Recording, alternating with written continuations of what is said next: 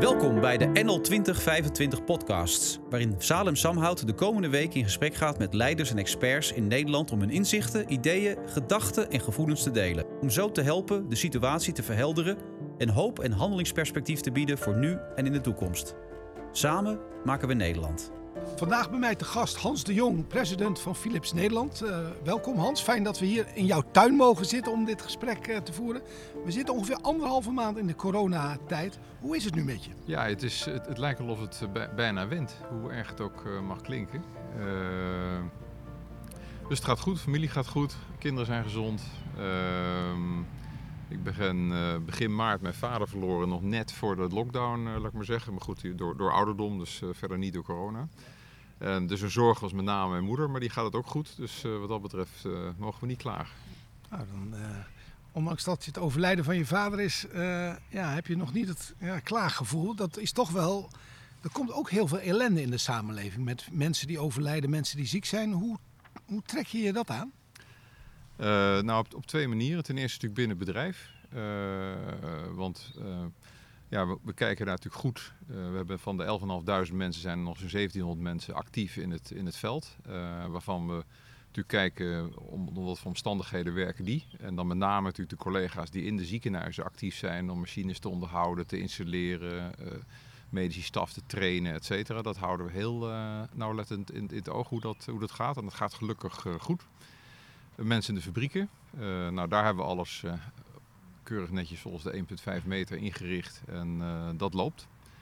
Um, ja, en daarnaast zijn we natuurlijk via het bedrijf ook betrokken hier in de regio, waar we ook heel snel proberen in het hele sociale domein ons ding te doen. dus begonnen met, met laptops voor, voor kinderen die daar geen toegang toe hebben vanwege familieomstandigheden. Nou, daar zie je dat zo'n regio heel snel bij elkaar komt en iedereen, wij ook, bijdragen. We zijn nu met de volgende fase zijn we bezig met, met maatschappelijke programma's om te kijken of we daar. Uh, en dat is, dat is denk ik die, die twee eenheid van aan de ene kant zorgen dat het bedrijf draait. Aan de andere kant nu echt uh, opletten dat er mensen zijn die, uh, die niet toegang hebben tot, tot de dingen die wij hebben. En wat kun je daarvoor doen? Kun je daar eens wat over vertellen? Want ik had afgelopen vrijdag sprak ik met Abdelhamid in Amsterdam. En die draagt zorg voor 700 kwetsbare kinderen. En daar gaf hij me toch wel schrijnende gevallen aan dat de crisis wel ook raakt aan de mensen die het, ja, het minst goede hebben eigenlijk. Hoe is jouw ervaring op dat punt? Nou, ik denk dat dat is een landelijk beeld. Uh, dus ook in een stad als Eindhoven waar ik dan woon. Uh, ik denk dat we daar nu aan het begin staan dat het allemaal duidelijk begint uh, te worden. Uh, en je ziet dus nu ook bij ons de programma's starten uh, en ook in overleg met partijen in Eindhoven. Ik denk dat je op moet passen door te denken dat je het allemaal zelf weet. Je moet heel snel moet je contact opnemen met mensen die dat echt weten. Die met, met, uh, in de haarvaten van dat, dat deel van de maatschappij staan. En dan eigenlijk goed luisteren en daar neerleggen, jongens, hoe ziet hulp eruit en waar kunnen we bij, bij helpen. Je hebt, je hebt, als bedrijf toch altijd een beetje de neiging om dan te bedenken dat je dat vanuit jezelf kan bedenken. Dat is toch niet, niet zo. Uh, en in Eindhoven bijvoorbeeld Samen voor Eindhoven, een enorme vrijwilligersorganisatie waar we bij aangesloten zijn. En daar laten wij ons door leiden van nou, uh, zeg het maar, uh, waar kunnen we helpen? Kun jij eens vertellen, zoals, zoals bestuurder van zo'n groot bedrijf als Philips, die die rol dan speelt. Wat, hoe omschrijf je je eigen rol dan in deze situaties? Ja, Philips is natuurlijk een high-tech bedrijf. En het is altijd indrukwekkend hoeveel goede mensen wij in dienst hebben. Dus die hoef je echt niet te vertellen wat ze moeten doen. Uh, ik denk, mijn rol is meer op een, ja, op een manier zoals we nog nooit gezien hebben, eigenlijk remote. Met name de vraag te stellen van hoe zorgen we dat alles coherent en goed samenwerkt aan de ene kant. Maar daarna misschien nog wel de belangrijkste vraag, wat missen we rond mensen?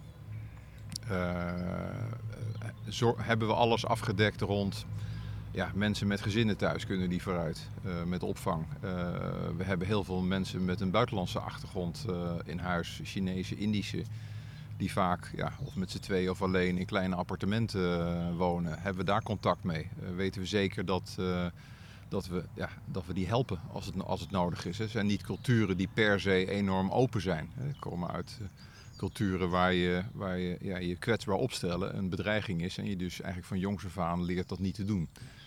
Uh, dat blijft heel ingewikkeld overigens. En ik denk dat het allerbelangrijkste wat wij nu doen is zorgen dat we eigenlijk op afdelingsniveau echt checken dat leidinggevers met al die mensen regelmatig contact hebben. Niet alleen over het werk hebben, maar ook echt vragen hoe gaat het? Uh, kunnen we je ergens bij helpen? En dat mensen het gevoel hebben niet alleen te zijn. En, en dat is denk ik al het begin, een erkenning dat ze er zijn en dat ze misschien uh, niet zo lekker in hun vel zitten en daar het gesprekken over hebben. Ja, en dan raak je ook al een beetje snel de grenzen van wat je kan doen. We hebben, daarnaast hebben we programma's met, uh, met Hey Coach bijvoorbeeld, waarbij we mensen zeggen van nou daar kun je in vertrouwen je ei kwijt. Kun je over alles wat je wil kun je praten. We meten ook niet wie dat doen, maar hoeveel mensen dat dan zijn. En dan zie je toch dat enige tientallen mensen daar gebruik van maken. Dus dat is denk ik goed. Het zijn ook weer niet enorme aantallen, dus anders is het weer een teken dat het eigenlijk niet zo goed gaat. Want gemiddeld is het beeld, als ik het ophaal en vraag ook, dat mensen zeggen, ja eigenlijk uh, redden mensen het wel. Nou, een groep heeft het dus lastiger. Nou, daar hebben we dus dit soort mogelijkheden voor. Het lijnmanagement, e-coach, HR, et cetera. Dus ik denk dat we met name elke keer weer de vraag stellen. Want je, ja, je hebt de neiging om altijd weer te vervallen in de operatierunnen. Zorgen dat dat draait. Dat je elke keer weer vraagt: jongens, oké, wat, wat missen we nu? Heb je echt gecheckt? Loopt het? Uh, zijn er nu nieuwe dingen weer? Hè? Dus je ziet ook dat is wel interessant geweest in deze tijd. Dat het verandert per fase, hè? Het, het verandert elke keer. Ja? Wat zie je en, de komende twee, drie weken? Of wat ben je bang voor wat je mist in de komende twee, drie weken? Um, nou, het klinkt misschien gek, maar ik denk dat de komende weken eigenlijk zowel voor het land als voor het bedrijf uh, misschien wel organisatorisch ingewikkelder is dan, uh, dan daarvoor. Want het is onduidelijk, niet, hè? Met z'n allen iets niet doen, dat is heel duidelijk. Is ook meetbaar, kun je checken. Maar met z'n allen weer een beetje. Hè? Iemand roept dan ja, maximaal in het begin 20 procent. Dus oké, okay, wat betekent dat eigenlijk? Wat is 20 procent? Dus ik zit mijn eigen clubje met ja, uh, dan zit ik met vijf mannen ergens. denk ja, dan kan dus één van de vijf kan terug. Ja, wat heeft dat nou voor zin? Uh, ja, dus slaat het eigenlijk ergens op die 20%? Klinkt wel heel fijn, dat is een getal. Maar kun je er überhaupt iets mee? Nou, blijkt toch wel heel ingewikkeld te zijn. Nou, zo zijn dus op dit moment op alle niveaus, zijn, uh, op sites, op afdelingsniveau, zijn mensen daarover na aan denken en aan plannen en over praten van oké, wat is dan zinnig eigenlijk? Wat is echt een must? Wat is zinnig? En wat voor snelheid kan dat dan uh, eigenlijk? Uh, en, dat, en dat is ook de anderhalve meter. Ja, op, op, op de zaal met het zitten lukt dat wel. Maar er zijn wc's met gangetjes. Ja, hoe werkt het daar? Weet je, je moet dus echt op heel microniveau moet je dat gaan, uh, gaan checken of dat allemaal wel. en hoe wel doe jij dat als bestuurder? Want jij, ja, wat in het gangetje in het toilet gebeurt, zou je normaal gesproken zeggen dat hoeft een man zoals jou niet bezig te houden eigenlijk? Nee, nee het enige wat ik doe is, uh, ik heb eigenlijk een heel makkelijk leven. Ik heb hele goede mensen om me heen. Mensen van real estate, health and safety experts, HR. Uh, we hebben security experts. Dus aan expertise geen gebrek. Dus ik, ik, ik, ik ja, het komt toch een beetje, je bent ooit in je leven bij begonnen in de fabriek. Dus heel lang geleden. Uh, maar ik heb wel mijn hele leven onthouden. En na die fabriekstijd heb ik in de sales in het veld gezeten. Uiteindelijk gebeurt het in het veld. En ik merk gewoon toch, je kunt nog zo, nog zo mooie plannen maken. Maar de checkvraag op het niveau van bij de wastafel in de wc. Dat triggert dan toch mensen van, hey, hebben we het nou echt wel in detail door? En het gaat er helemaal niet om dat ik dat check. Het gaat erom dat ik het gevoel krijg, hebben mensen tot op dat niveau nagedacht of het echt kan werken. Ja, en ik merk gewoon, als je, als je dat doet... Uh, ja, misschien een heel kleine anekdote. In het begin van de crisis, toen, toen hadden we voor het eerst keer het crisisteam. En toen werd er gezegd, nou nee, we hebben desinfecterende middelen op de, bij alle wc's. Nou, prima. Hij hoe weet je dan dat ze overal staan? Ja, dat, uh, heb je dat met je mensen echt per wc gecheckt? Ja, nee, ja, nee, eigenlijk moet ik wel toegeven dat we wat, uh, wat tekorten hebben. Oké. En hoe zit het? Waar, waar, nou, weet je, dus in het begin moesten we echt in die modus komen van jongens, je moet alles zelf checken. Of het ook klopt en of het ook waar is. En, en dan gaat de zaak pas echt draaien. En daar moesten we in het begin even aan wennen. En, ik, ja, en dat ging ook weer heel snel overigens. Hè. Uh, en dan werkt dus dat, dat, je, dat je als leidinggever, en dat denk ik toch al van belang, dat je af dus even helemaal de diepte ingaat en vervolgens je die weer uittrekt. Want het niet van mensen moet overnemen. Dat is fout. Ja, ja.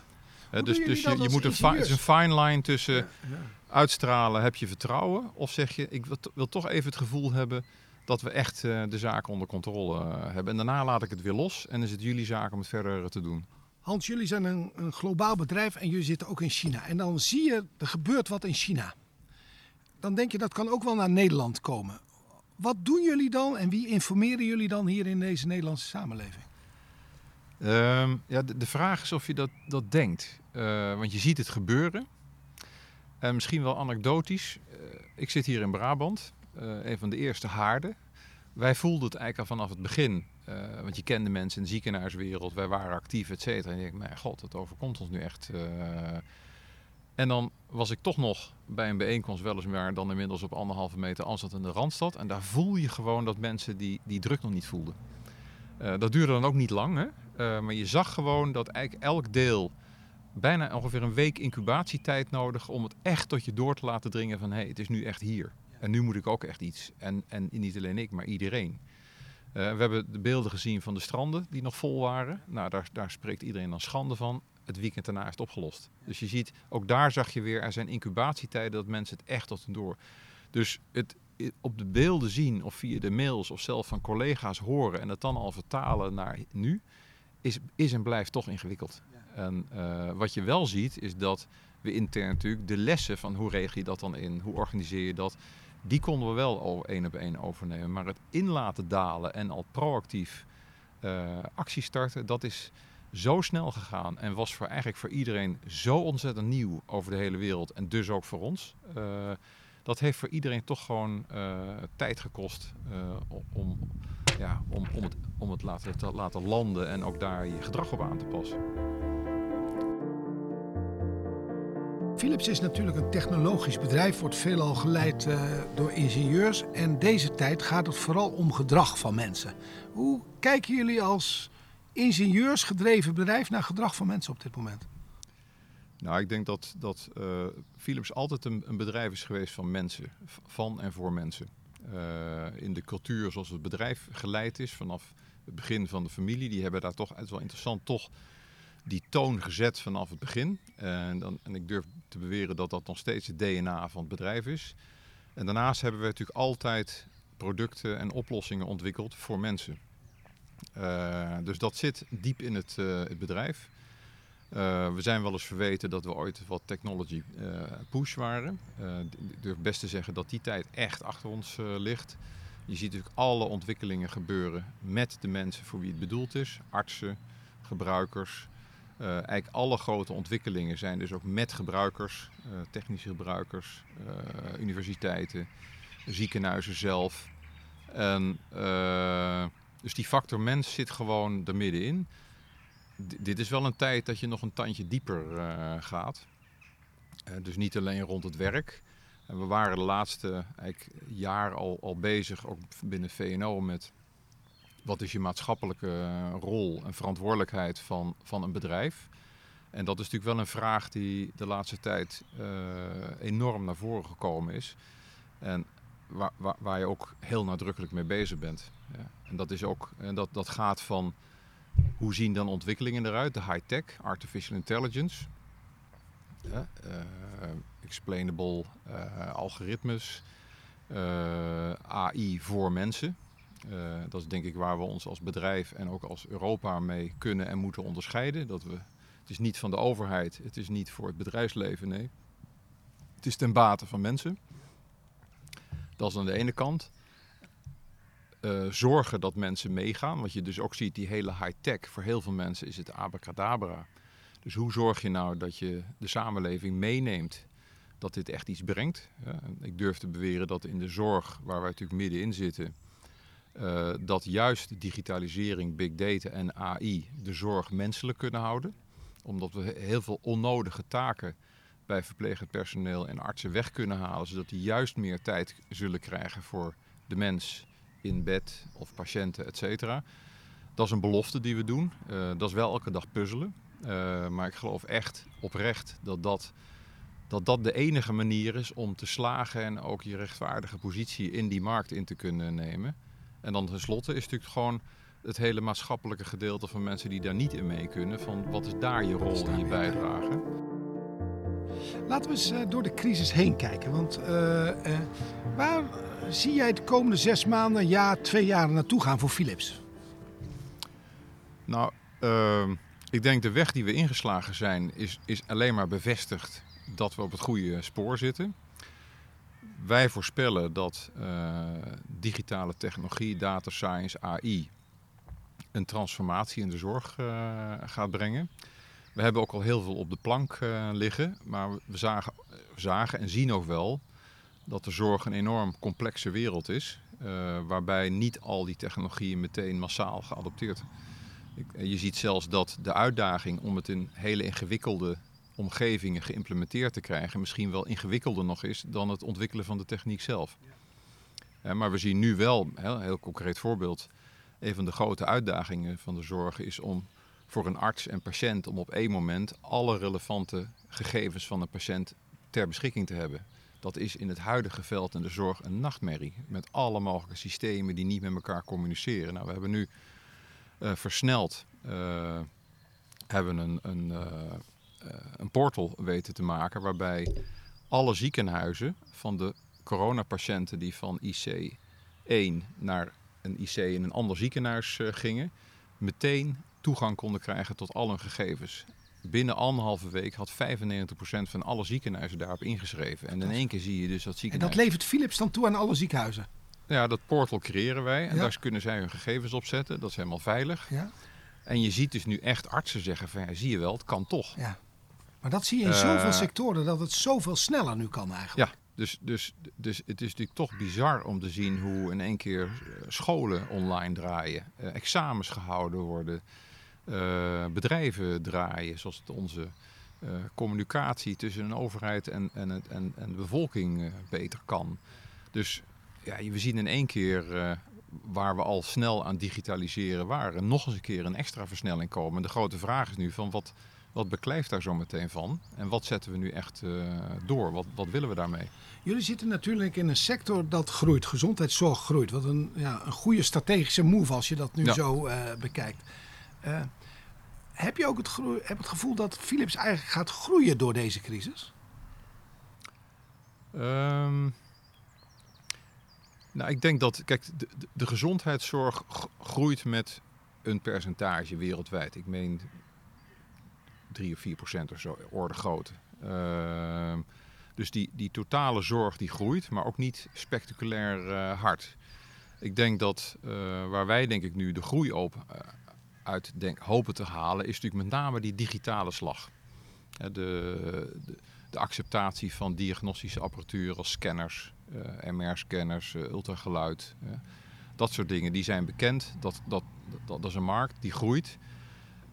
Wij denken en we hopen natuurlijk dat met name die digitale informatie-economie in die zorg, dat die nu een snelheid, een, een, een vlucht gaat nemen. want we zien echt diagnose op afstand, monitoring op afstand, big data-analyse.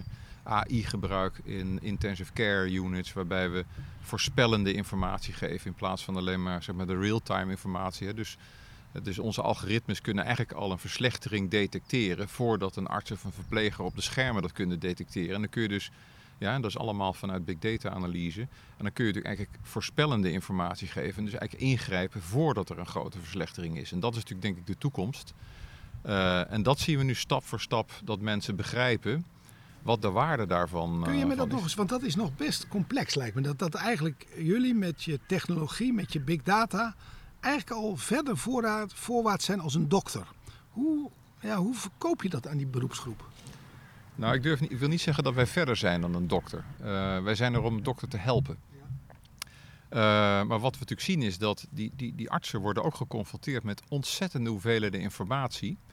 En net zo goed als wij in het bedrijf proberen informatie te bundelen tot beknopte managementinformatie waar je wat mee kan, in, die, in die grote massa, zien we in de zorg ook enorm veel kansen om uit die geweldige berg aan complexe, bijna niet te, te interpreteren data, die samen te brengen, daar algoritmes op los te laten, die vergelijken met, uh, met, met, met big data informatie.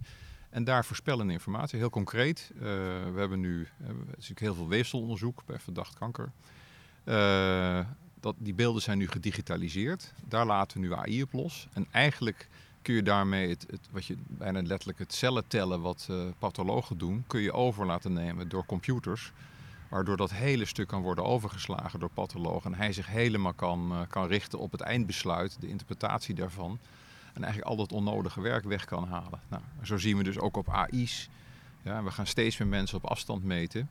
Dat je dus eigenlijk al lichte trendbreuk kun je valideren. En kun je op een gegeven moment koppelen aan een indicatie dat er bijvoorbeeld een hartaanval aankomt. Of een, ja. nou, dat probeer je natuurlijk informatie uh, te genereren. Voorspellende informatie. Waarbij je ja, eigenlijk helpt uh, om, ik zou bijna zeggen, echt gezondheidszorg. Hè. We, noemen het gezondheidszorg op dit moment, maar eigenlijk hebben we ziektezorg vandaag. En we proberen natuurlijk bij te dragen om weg te gaan naar gezondheidszorg. Om te, te, vermijden dat mensen ziek worden of te vermijden dat de verslechtering erger is dan nodig. Wat denk je ja, als je dat lukt, van, ja. dan heb je wat. Ja. En hoe kijk je naar de rol van preventie? Want uh, er wordt heel vaak, uh, wat je zegt, als een mens ziek wordt, dan gaat men actie ondernemen. Maar eigenlijk moet je al van tevoren er zijn eigenlijk. Hoe kijk je tegen preventie aan? Ja, en ik denk dat we als maatschappij natuurlijk enorm opschuiven. Hè? Als ik soms beelden zie van, uh, van de 60 jaren dat ouders zitten te roken in de auto met de kinderen bij, de, dat kun je gewoon niet meer voorstellen tegenwoordig. Hè? Dus we, we weten dat we gezonder moeten eten. Er zijn grote discussies over gezond leven. dat is best een grote uitdaging. Er zijn bevolkingsgroepen die daar, denk ik, bewuster mee omgaan dan anderen. En daar hebben we dus denk ik met z'n allen een verantwoordelijkheid. De overheid is ook een, een preventieakkoord geslagen. Dat zit met name in die hoek van gezond leven. Wij zijn natuurlijk een techbedrijf. Uh, en preventie zit hem bij ons tweeledig. Eén, bijdragen aan gezond eten, uh, gezond leven. maar een groot stuk is ook bijdragen in die zorg om daar eigenlijk voorspellende informatie, en dat kan tot genniveau kan Ja. dat gaan, uiteindelijk. En ook gedragsniveau, denk ik. Ja, maar dat, dat zit iets minder bij ons, denk ik, op dit moment. Wij zitten natuurlijk met name op de diagnose en data-analyse. Ja. Maar misschien zou je nog een stapje naar voren moeten doen eigenlijk. Daar zit een, denk ik, een grote markt nog. Ja, maar het is ook niet zo makkelijk om die markt te identificeren overigens. Het is natuurlijk wel een hele diffuse markt. Ja. Want waar richt je je dan precies op? Ja. En dat is natuurlijk toch wel het punt van deze tijd. Uh, je ziet bedrijven uh, steeds meer overleven in de tijd door heel gefocuseerde keuzes te maken. Nou, we hebben een zeer gefocuseerde keuze gemaakt voor gezondheidszorg. Maar elke dag komen we er weer achter dat we daarbinnen ook weer allerlei keuzes moeten maken. Want dat is ook weer een enorm breed speelveld. Pakken jullie innovatie op? Uh, ontwikkelen jullie alles zelf of investeren jullie ook veel in jonge bedrijven? Hoe werkt dat eigenlijk bij Philips? Dat is een mix. Uh, we geven zelf een, een 1,8 miljard aan uh, onderzoek en ontwikkeling uit. Dus een enorm bedrag. Wat we daar zien is dat ontwikkelen steeds meer co-creatie is. Dus we werken steeds meer samen met partijen, met universitair ziekenhuizen, grote perifere ziekenhuizen, universiteiten, andere partijen. Dus dat is aan de ene kant. Aan de andere kant, met name in de digitale wereld, is de, de conclusie dat kunnen we zeker niet allemaal zelf. En daar, daar werken we, hebben we eerst een, interne start-up community, HealthWorks. En daarnaast werken we nog met wereldwijd een heel netwerk van start-ups, veelal in de digitale wereld uh, samen. Om, in complementaire ontwikkelingen. Uh, dus ja, ook daar zie je weer, we kunnen niet alles zelf. Heel duidelijk keuzes gemaakt. Wat kunnen we zelf, wat kunnen we met anderen. Uh, en hoe, die, hoe die, die samenwerking dan in de tijd uitziet, dat kan per bedrijfje kan dat verschillen. Maar eigenlijk wat jij zo omschrijft is, Philips is bijna een open ecosysteem waar jullie een bepaalde rol in spelen. Is, vat ik dat zo goed samen? Ja, ik denk, we zijn een van de grondleggers geweest denk ik, van open innovatie. Hier in Eindhoven op de Hightech Campus. En ik denk dat we nu steeds meer op aan het schuiven zijn. Want open innovatie is nog steeds wel zeg maar, met derde partijen, maar binnen een gesloten systeem. Mensen denken dat, dat iedereen maar mee kan doen. Dat is niet open innovatie. Open innovatie is wel degelijk een contract dat je met z'n allen afsluit. Maar wel met, met verschillende partijen, ook buiten je eigen bedrijf. We gaan nu steeds meer naar co-creatie. Uh, en co-creatie betekent ook met patiënten, uh, met uh, belangengroepen. Uh, met, hè, we werken met de Hartstichting samen. We werken met Longfonds samen. we hebben een tijdje ook met Weight Watchers gewerkt. Van, ja, wat, om goed te begrijpen wat, wat, wat, is nou, wat zijn zinnige innovaties voor die doelgroep. Ehm, dus ja, het leven is co-creëren. Je ziet ook de grote maatschappelijke uitdagingen. Da daarom zijn die uitdagingen ook zo groot. Zijn bijna allemaal wat je noemt multi-stakeholder uh, problematieken. Waarbij de verzekering een rol speelt, het businessmodel verandert, ziekenhuizen mee moeten doen, artsen, wij zelf, uh, IT, wetgev wetgevende kaders, uh, ethisch. Dus je, je ziet er vaak in dat soort van transformaties dat alles moet kloppen, wil het gaan draaien. En speelt dan vertrouwen de cruciale rol? Dat iedereen vertrouwen heeft in Philips, dat die een, een motor is in dat, in dat open ecosysteem? Ja, vertrouwen. Maar ik denk ook dat je, je moet vanaf het begin, en daarom is het zo belangrijk om te co-creëren. Je moet ook vanaf het begin eigenlijk alle belangen en beperkingen van iedereen meenemen. Uh, en daarom is het zo goed dat je in dit soort systemen niet alleen naar je, wat je zelf kan doet, maar heel erg goed kijkt van wat is de impact op een ander? Wat is de impact voor de verzekeraar? Wat is de impact voor het ziekenhuis? Uh, als, je, als je bijvoorbeeld in de preventie uh, de rol van de, van de cardioloog bijvoorbeeld enorm veel minder wordt, ja, hoe logisch is het dat die man zegt, nou daar ben ik wel enthousiast over. Hè? Ik lever wel de helft van mijn uh, praktijk in. Ja, dat is, ja, daar moet je iets op verzinnen. Op dit moment kent een, cardioloog bijvoorbeeld een hartpatiënt op het moment dat je binnenkomt met een probleem of op controle, nou kent hij niet. Terwijl onze onderzoeken laten zien dat je hartpatiënten eigenlijk continu moet meten. Nou, wie, wie neemt daar nou de verantwoordelijkheid voor? Is dat de cardioloog? Is dat een huisarts? Is dat een controlepost? Uh, wie gaat dat betalen? Uh, ja, dus, dus rond preventie kom je op compleet andere, wat je noemt integrale zorgpaden. Of, en daarmee dus ook andere betaal- en, en betaalmodellen. Dus je ja. moet alle partijen daarin meenemen. Maar even nog die betaalmodellen. Jij zegt uh, Philips doet innovatiebudget uh, 1,8 miljard. En ik ken ook heel veel ziekenhuizen. Nou, daar gaat het om de eurotjes, zeg maar. Ja. Hoe breng je die werelden bij elkaar? Zo'n ziekenhuis die ja, op elke cent moet letten. En jullie uh, op miljarden moeten letten om de innovatie te bewerkstelligen. Hoe breng je die werelden bij elkaar? Uh, nou, wij kunnen ons dat veroorloven omdat we natuurlijk schaal hebben. Omdat ja. we wereldwijd, uh, en dat is natuurlijk ook voor ons wel een kracht, dat je hebt landen waar bijvoorbeeld condities al geschapen zijn om nieuwe integrale zorgpaden te implementeren met alles wat er aan modellen bij komt. En landen waar dat nog niet zo kan, omdat wettelijke kaders anders zijn of omdat de zorg anders is ingericht. Die kennis kunnen we natuurlijk delen.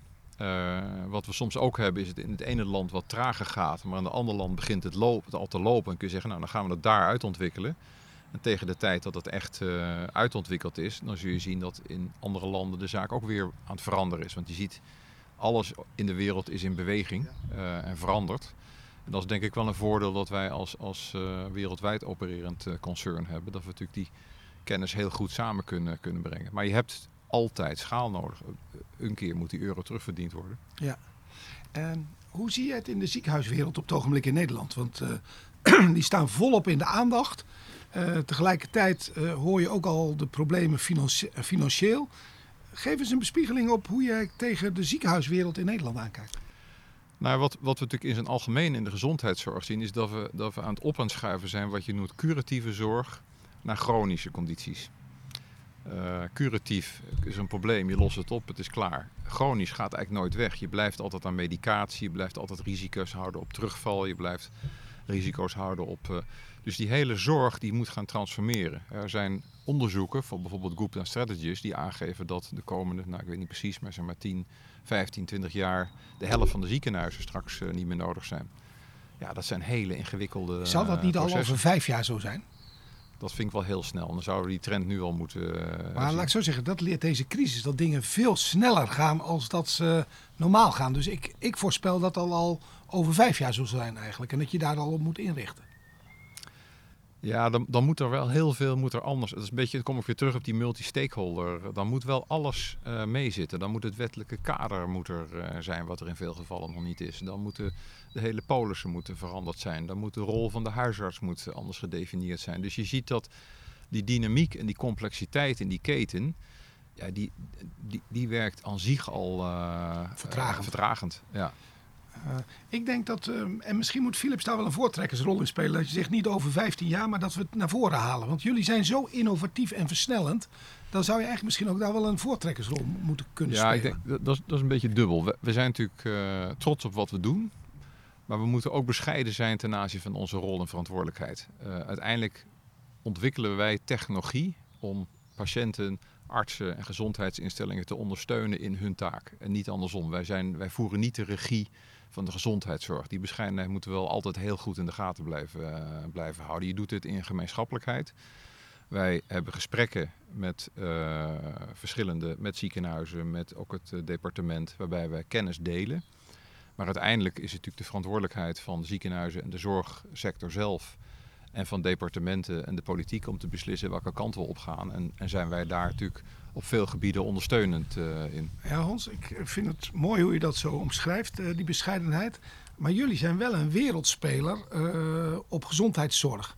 Dan mag je toch ook wel een voortrekker spelen in deze systeemverandering. Dus bescheidenheid met zelfbewustzijn, zou ik zeggen. Nou, misschien dat proactieve betrokkenheid. Dat is misschien wel de beste uh, bewoording. En ik denk dat, is, dat proberen we zeker. Dus we proberen te delen, we dragen bij. Uh, maar we moeten ook wel, uh, denk ik, zo reëel zijn. Wij kunnen en willen niet op de stoel van een arts gaan zitten. Uiteindelijk gaat het om artsen en patiënten. er spelen nog andere dingen. Er is ook nog de hele farmawereld waar we natuurlijk helemaal niet in zitten. dus ik denk dat de rol waar we nu in zitten, daar proberen we het maximum in bij te dragen. Uh, en, ja, en, en hopelijk uh, laat corona nu zien dat er een aantal zaken kunnen en ook echt bijdragen. Dus we moeten voorzichtig zijn of iets technisch kan, of dat mensen het ook als ervaren, als behulpzaam ervaren. En ik denk dat een aantal gevallen, zoals nu bijvoorbeeld die artsen zeggen: hé, hey, die informatie die nu inderdaad op één plek beschikbaar is, dat is toch wel fantastisch. Zo moeten we het eigenlijk eh, hebben. Nou, dan, dan zeg je: oké. Dan, dan zie je dus dat de gebruikers zeggen: ja, wij vinden het ook. Uh, en dan zul je zien dat, uh, dat dingen wel gaan versnellen, vermoed ik. Maar jullie missie en jullie global kracht uh, zou toch eigenlijk moeten zijn dat jullie nog inspiratiever zouden kunnen zijn. Denk ik. ik zou de bescheidenheid wat laten varen, maar dat is mijn mening. Dat, hè. nou, het is mooi dat je dat zegt. Ja, ja. Hans, nog een laatste, we gaan naar een laatste thema. En dat is hoe gaat het in het land? Want we hebben het net over Philips gehad. Ja. jullie lijken aan de goede kant van, van de medaille te zitten. hoe kijk je tegen het land aan en vooral al die ondernemers die het nu enorm zwaar hebben. Ja, ik, ik ben natuurlijk via het VNO en het FME en hier ook Brainport betrokken. Uh, je ziet hier inderdaad in de high-tech dat, dat de, de, de Philipsen en de, en de ASML'en, eh, et cetera, die, die komen er wel. Die zitten ook op gebieden waar in de toekomst ook heel veel vraag naar zal blijven staan. Dus met, met, met deze dip en hoe dat precies zich zal uitwerken, dat gaan we met z'n allen beleven. Uh, maar we, ja, we zijn natuurlijk ook op weg, zijn natuurlijk industrieën, de hele horeca, uh, het winkelbedrijf.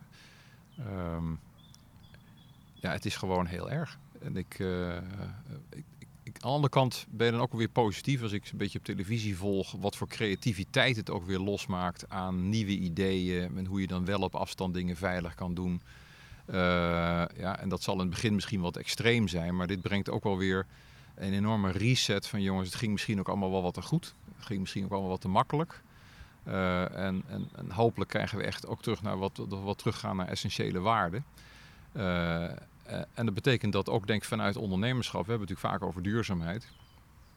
Uh, nou, wat is, wat, is, wat is duurzaamheid in ons leven en wat is echt belangrijk in ons leven? En ik ben ervan overtuigd dat die ondernemers die gaan weer met nieuwe, nieuwe proposities komen, met nieuwe uh, inhoud. Waar mensen zeggen, ja, hey, dat is mooi, dat is nieuw, zo wil ik het ook. Daar wil ik graag aan meedoen.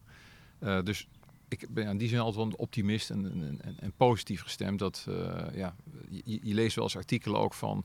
om echt verandering te krijgen in de maatschappij... Ja. heb je soms toch een beetje een crisis uh, nodig. Want anders denkt iedereen, ja, nou ja... Absoluut. Laat me niet veranderen, want het gaat nou eigenlijk wel lekker. Dus laat maar niks doen. Dus het, blijkbaar heb je toch altijd een kracht van buiten nodig... die iets forceert en iets ja. afdwingt. Ja. Maar kunnen we en dat even... zal in de korte tijd echt heel veel pijn en problemen geven. Daar kunnen we met z'n allen gewoon niet omheen. En, en ik lees ook alle artikelen dat we naar, naar richting een recessie gaan.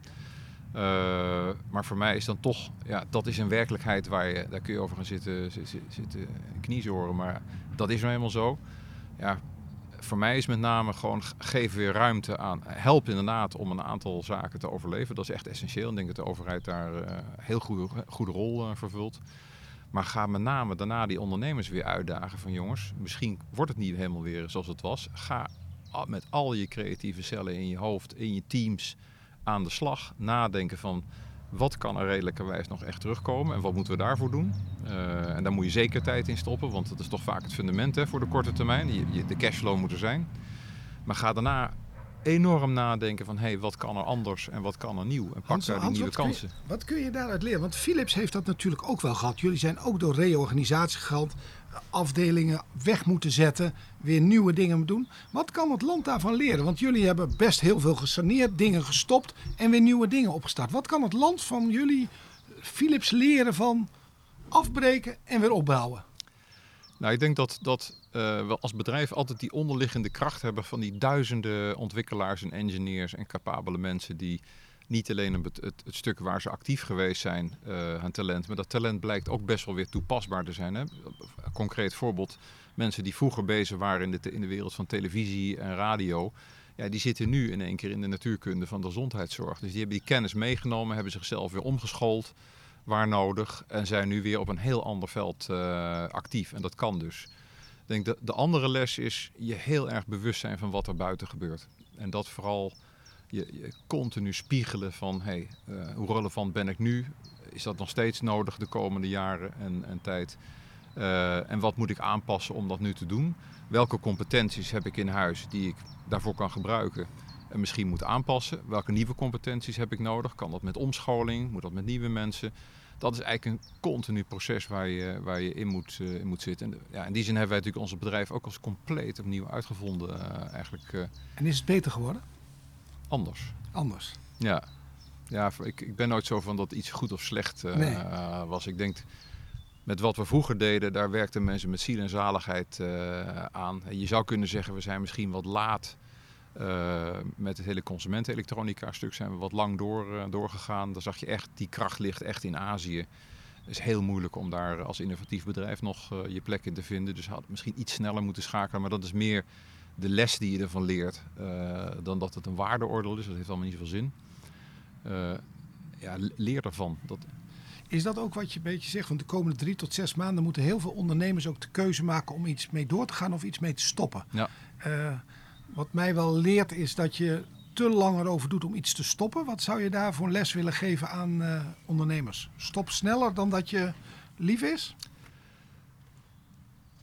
Ja, zoek anderen op die je de waarheid in je gezicht zeggen. Want het is natuurlijk toch altijd pijnlijk om, eh, om dingen te doen die, eh, die je pijn. Zoek, zoek, zoek, niet mensen op die je bevestigen in, in je twijfel. Maar zoek mensen op die juist zeggen: Ja, ik denk niet zo gek is om nu door te pakken. Die je ook vertrouwt. Die zijn er altijd te vinden. Eh, mensen die gewoon eerlijk antwoord eh, geven. Maar die je ook helpen met dat externe perspectief. Die je ook helpen met waar je kracht wel degelijk zit. Elk bedrijf heeft eh, competenties en kracht die relevant blijven. Alleen het is continu zoeken van waar maak je nou die match met, met dat de toekomst bestendig is. Eh, zoek met elkaar daarin op. En, en, en hebt dus in Nederland is onvoorstelbaar wat we netwerken hebben en, en samenwerking is echt gigantisch. Eh, formele netwerken, informele netwerken. Maar je moet ze wel opzoeken. En, en, en als je ze opzoekt, dan vind je die kennis ook. En heb daar de eerlijke discussie. Maar uiteindelijk ja, ontkom je er niet aan dat je als ondernemer toch zelf dat besluit moet nemen. Ja. Hoeveel hulp er ook is. Ja. Eh, en degenen die dat op tijd en goed doen, ja, die zullen overleven. En er zullen een aantal dat misschien toch te lang uitstellen. En die hebben dan misschien een probleem. En dat is denk ik waar we mee willen eindigen. Je hebt een zone of dualiteit bijna. Dingen stoppen, moet stoppen en weer nieuw creëren. Ja. En in die duale wereld moet je ook goed met je tijd en je emotie omgaan. Welke tips heb je daar nog voor, eh, voor mensen? Ja, toch ook weer hetzelfde advies. Zoek elkaar op. Eh, en heb het daar niet alleen over de inhoud, maar heb het gewoon ook eens over van hoe zit je erin. Eh, en dan blijkt eigenlijk dat heel veel mensen er op dezelfde manier eh, in zitten. Dat je maar niet zo alleen daarin eh, in bent. En door, door het gewoon eens tegen, aan iemand te vertellen, dat, dat helpt al. En heb gewoon het vertrouwen dat dat kan. Wat, wat mij ook opvalt in deze tijd is hoe ongelooflijk grote bereidheid is om elkaar te helpen. Ja, en niet alleen zakelijk, maar ook op het persoonlijke stuk, in de familie, in de buurten. Eh, ja, en ik denk dat dat momentum moeten we met z'n allen vasthouden.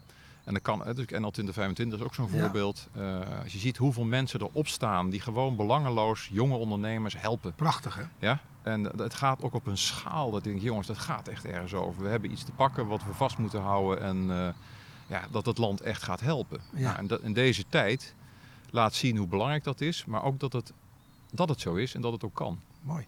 Mooi hoor.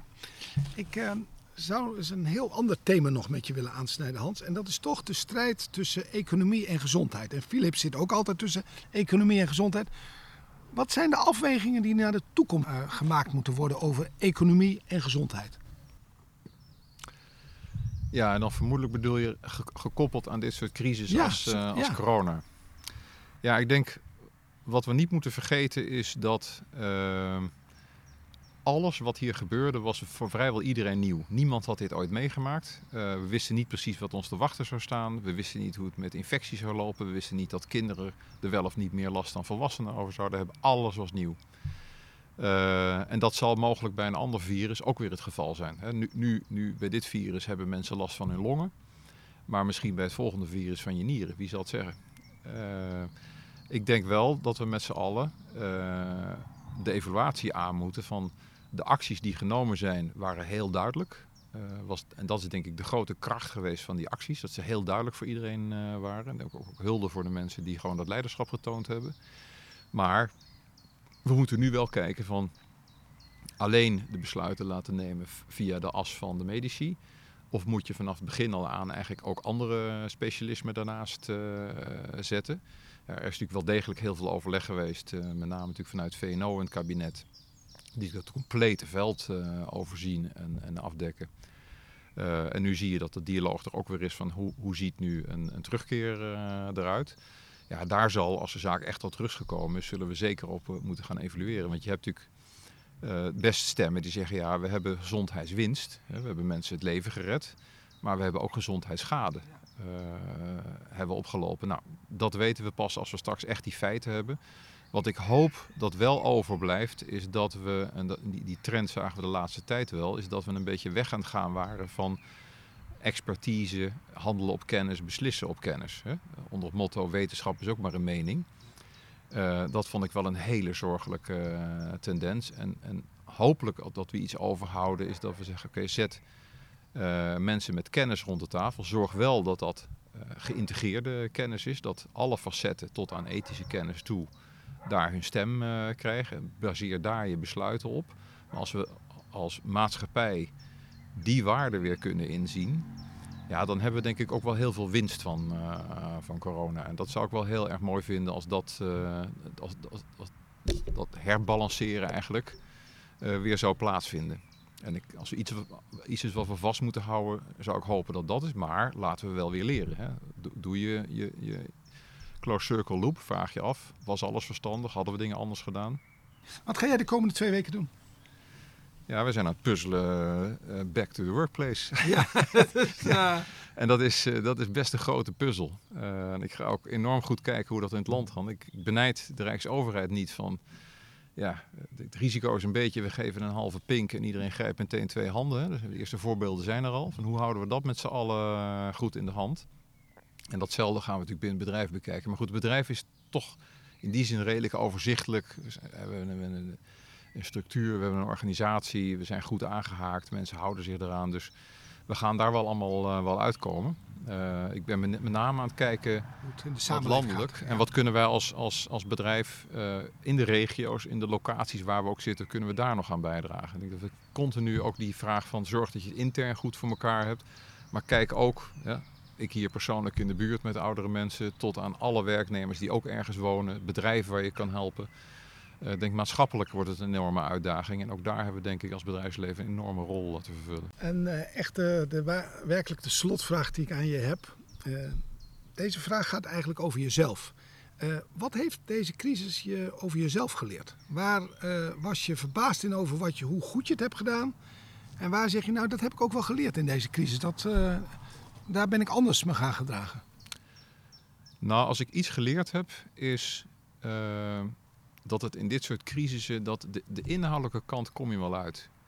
Maar die factor mens, uh, in je bedrijf, maatschappij en wat kun je daarvoor doen in deze tijd? Uh, wat kun je daarvoor ankerpunt zijn, duidelijkheden, maar met name ook die empathische kant. Het gaat niet alleen maar over inhoud, uh, zorg dat je mensen met name aan die empathische kant uh, raakt. En dan eh, kom, krijg ik terug vanuit de manier waarop we dat uh, in ons bedrijf doen. Krijg ik, krijgen we veel terug vanuit mensen uit de organisatie. Van god, fijn dat het zo duidelijk is. Maar fijn ook dat je in de manier waarop dingen verwoord zijn, die empathie, dat begrip toont. En dan help je mensen. Ja, en, en, en dat te doen zonder dat je iemand ziet. Dat is wel heel nieuw. Ja. Maar ook wel weer de les dat het kan. Ik leerde van uh, Pieter Elbers, die zei: er moet duidelijkheid zijn, maar ook flexibiliteit. En altijd die menselijkheid moet op de achtergrond spelen of op de voorgrond spelen. Ja, de voorgrond vermoed ik dat hij al gezegd Ja, ja, ja. Want uiteindelijk het gaat om mensen. Mensen doen dingen. Ja. Computers doen niks. Het zijn domme dingen. Uh, ja. Uiteindelijk moet je het als mensen met elkaar een beetje, een beetje aardig maken. Dus AI en menselijkheid, dat gaat Philips door de wereld heen helpen. Ja, ik denk, uh, als zolang AI is ten bate van de mens, dan is het oké. Okay. Dankjewel voor dit mooie gesprek. En ik kijk zo naar, jou, uh, naar jouw tuin waar de gras moet opkomen. en het gras gaat zeker weer opkomen. Dat zal ook wel waarschijnlijk met de economie zo zijn. Zeker weten. Dankjewel Hans voor dit mooie gesprek. Dankjewel. NL 2025 is een diverse beweging waar honderden aanjagers vanuit onder andere het bedrijfsleven, kunst en cultuur, media, sport, onderwijs en wetenschap zich op persoonlijke titel inzetten voor een mooiere toekomst voor Nederland, voor de huidige en toekomstige generaties. En dat doen we vanuit het pay it forward principe. Ik doe iets voor jou en dan geef jij het weer door aan iemand anders.